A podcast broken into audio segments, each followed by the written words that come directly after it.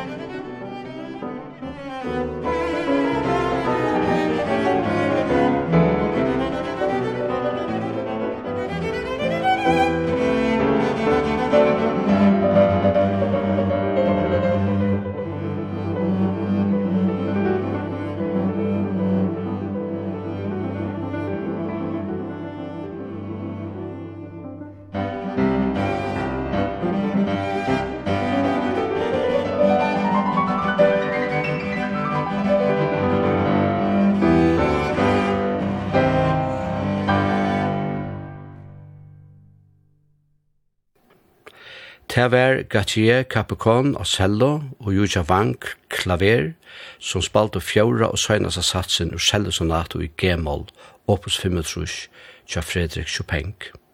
Og fra hesson færa vi så iverator til tannteologien som Chopin skriva i allermest av, nemlig klaverteolog. Her i mittlen hever han gjørsnekkar poloneser. En polones er opprunalig og en søgner danser ut 3-4 takt fra polskon opprunelig. Ur rytmene og hovalænen til hesen danse hever Chopin så finnes jo ublåster å skriva såkallige poloneser. Vi færa at høyra Elisabeth Leonskaja spela polonesina i Astor og på Struholtrus, som òsne hever finnje navnet tan heroiska, etla av møyra føreskun tan kappakjenta. Verstje er skriva i 1842 og er holdt vust nek av det mest spalta tja Chopin. Musik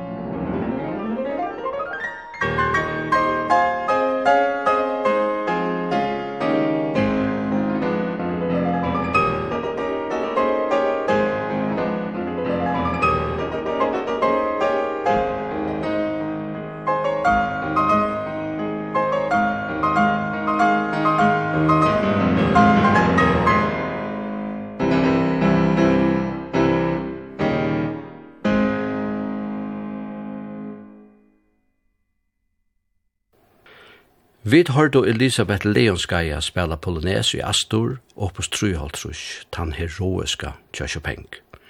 Chopin hefur ikkje skriva nekk fyrir tversfløyta, mer vidande bær og et lydestykje, nekkra variasjoner i ura tema, nevnt non pio mesta, som er ein sangur i opereine La Senerantola tja italska komponisten Rossini. Tæffer er vi at høyra Luisa Sello og Johannes Jess Kroptfisk spela fyrir okkur nú.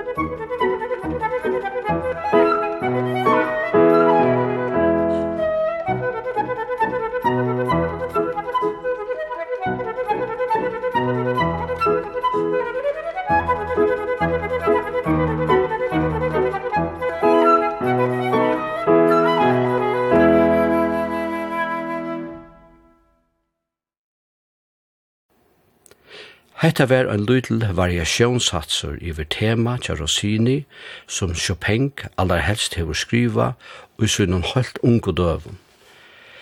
Vi løtt og fyri i der við tvøym og nocturnum. Her kemur ein at. Og i 1846, tru år Arn han døye, skriva i Chopin tver nocturner opus 22. Hetta er ut her og vi hesen høytnum fra hans hånd, og vi færa her at høyra Mauricio Polini spela ta fyrro av tøymen.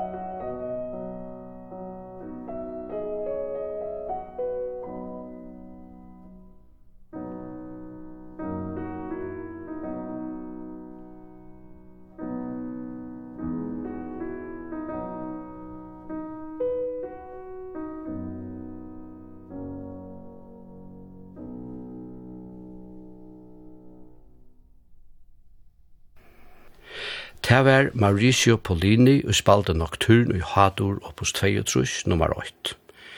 Jeg har sagt flere fyrir sendingen her at nekv ta mesta Chopin vi skriva er skriva fyrir soloklaver. Det var absolutt hans er høvus å og nasta stikje vi skulle høyra er i så måte anki undantek. Toi her færa vid at høyra tria og søgnasa satsen ur hans er fyrre klaverkonsert. klaverkonsert En såkalla klaverkonsert er sjålvande skriva for klaver, men korstene er det samme vi symfoniorkestre, eller vi kunne sija at det er orkestre som spelar under tja klaveren, akkompanierar, som det sija. Klaverkonsert nummer 8 i E-moll, oppås 11, er skriva i 1830, altså ta Chopin høver 20 år gammal, og er frumframført samme år i Varsjova, vi just Chopin som soliste. Konserten var en lyur i hans herra farvelkonserten og i Pålande er han flottet til Freklands. Konserten er som sagt ut Simonpørsten, og vi færre her at høyra polska pianisten Christian Zimmermann saman vi Polish Festival Orchestra spela henda susta satsen fyri okkon. Musik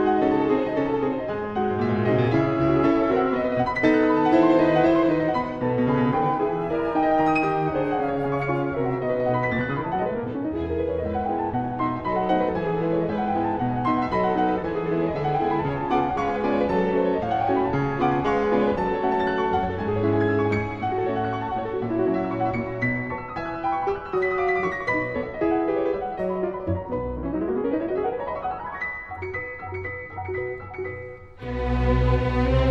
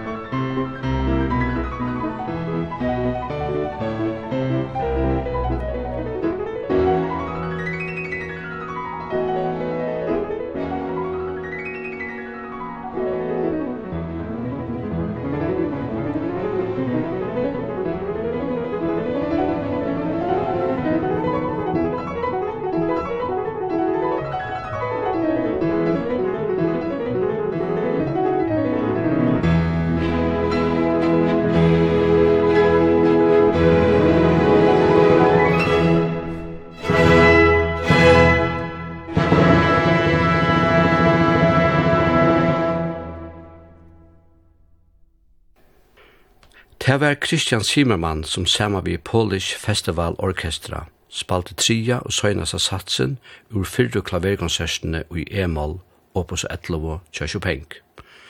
Og fra tog færa vid Iverløn Vals. I halde jeg kan sia at hetta er eit av munnen, jeg kanska mongo absolutt og inte stitjon. Ikkje minst ta i kinverska Juja Wang speler. Og det er just det vi fyrir at henda nu. Hetta er valsur i Sismol, opus 4, nummer 2, skrivaver i 1824.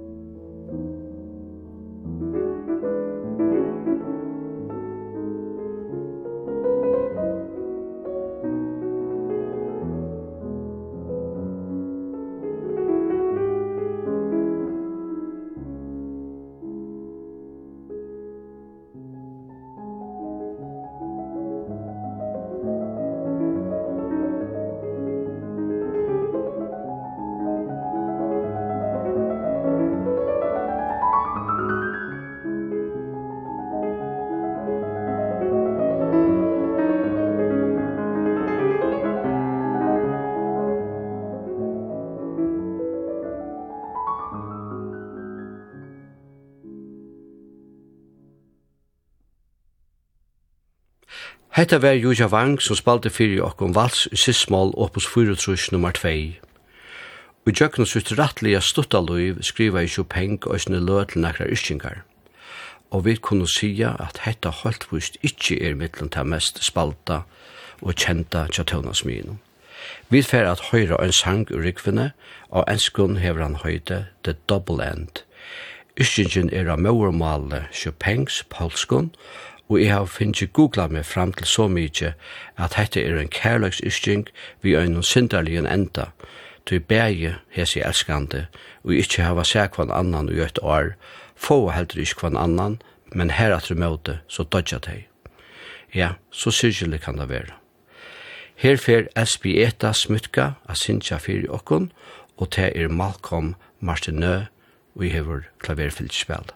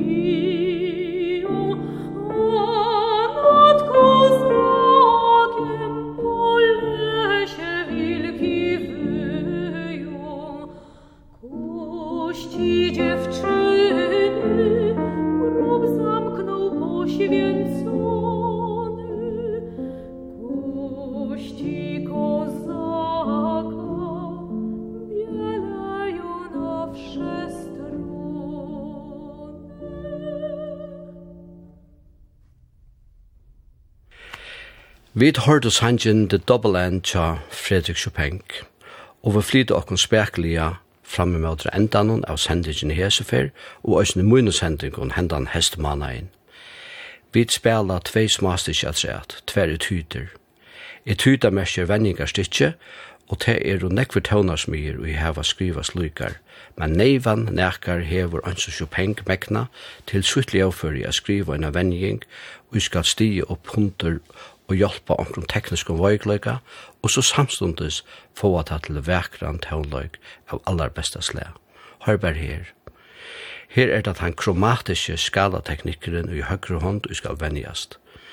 Det er sovor koreanska ujeol eom son som spelar.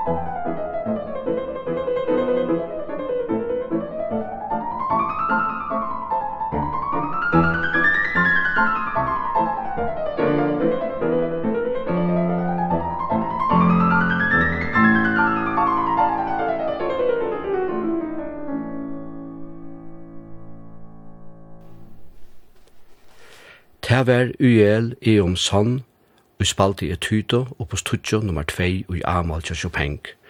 Og hon slipper òsne at enda sendingen i det, og òsne sendinger munar og hesson sende. Nå hon fer a spela i Tyto og på 25 nummer 4, òsne og i Amal. Om to ikke a lusta atter etter hese sendingene, så vil hun endersendt i anna kvöld, manna kvöld til klokkan 22. Taper òsne til at høyra sendingen av neten akkurat hva du vilt så skal du bare fære inn av heimasynet til kringvarslenen, kvf.fo, framskak bolero, og så finner du sendingen her. Tekniker i det var Løyver Thomsen, og i øyde egen av lesene. Sendingen vil atter kommande sunnedag. Takk for at du lytte av.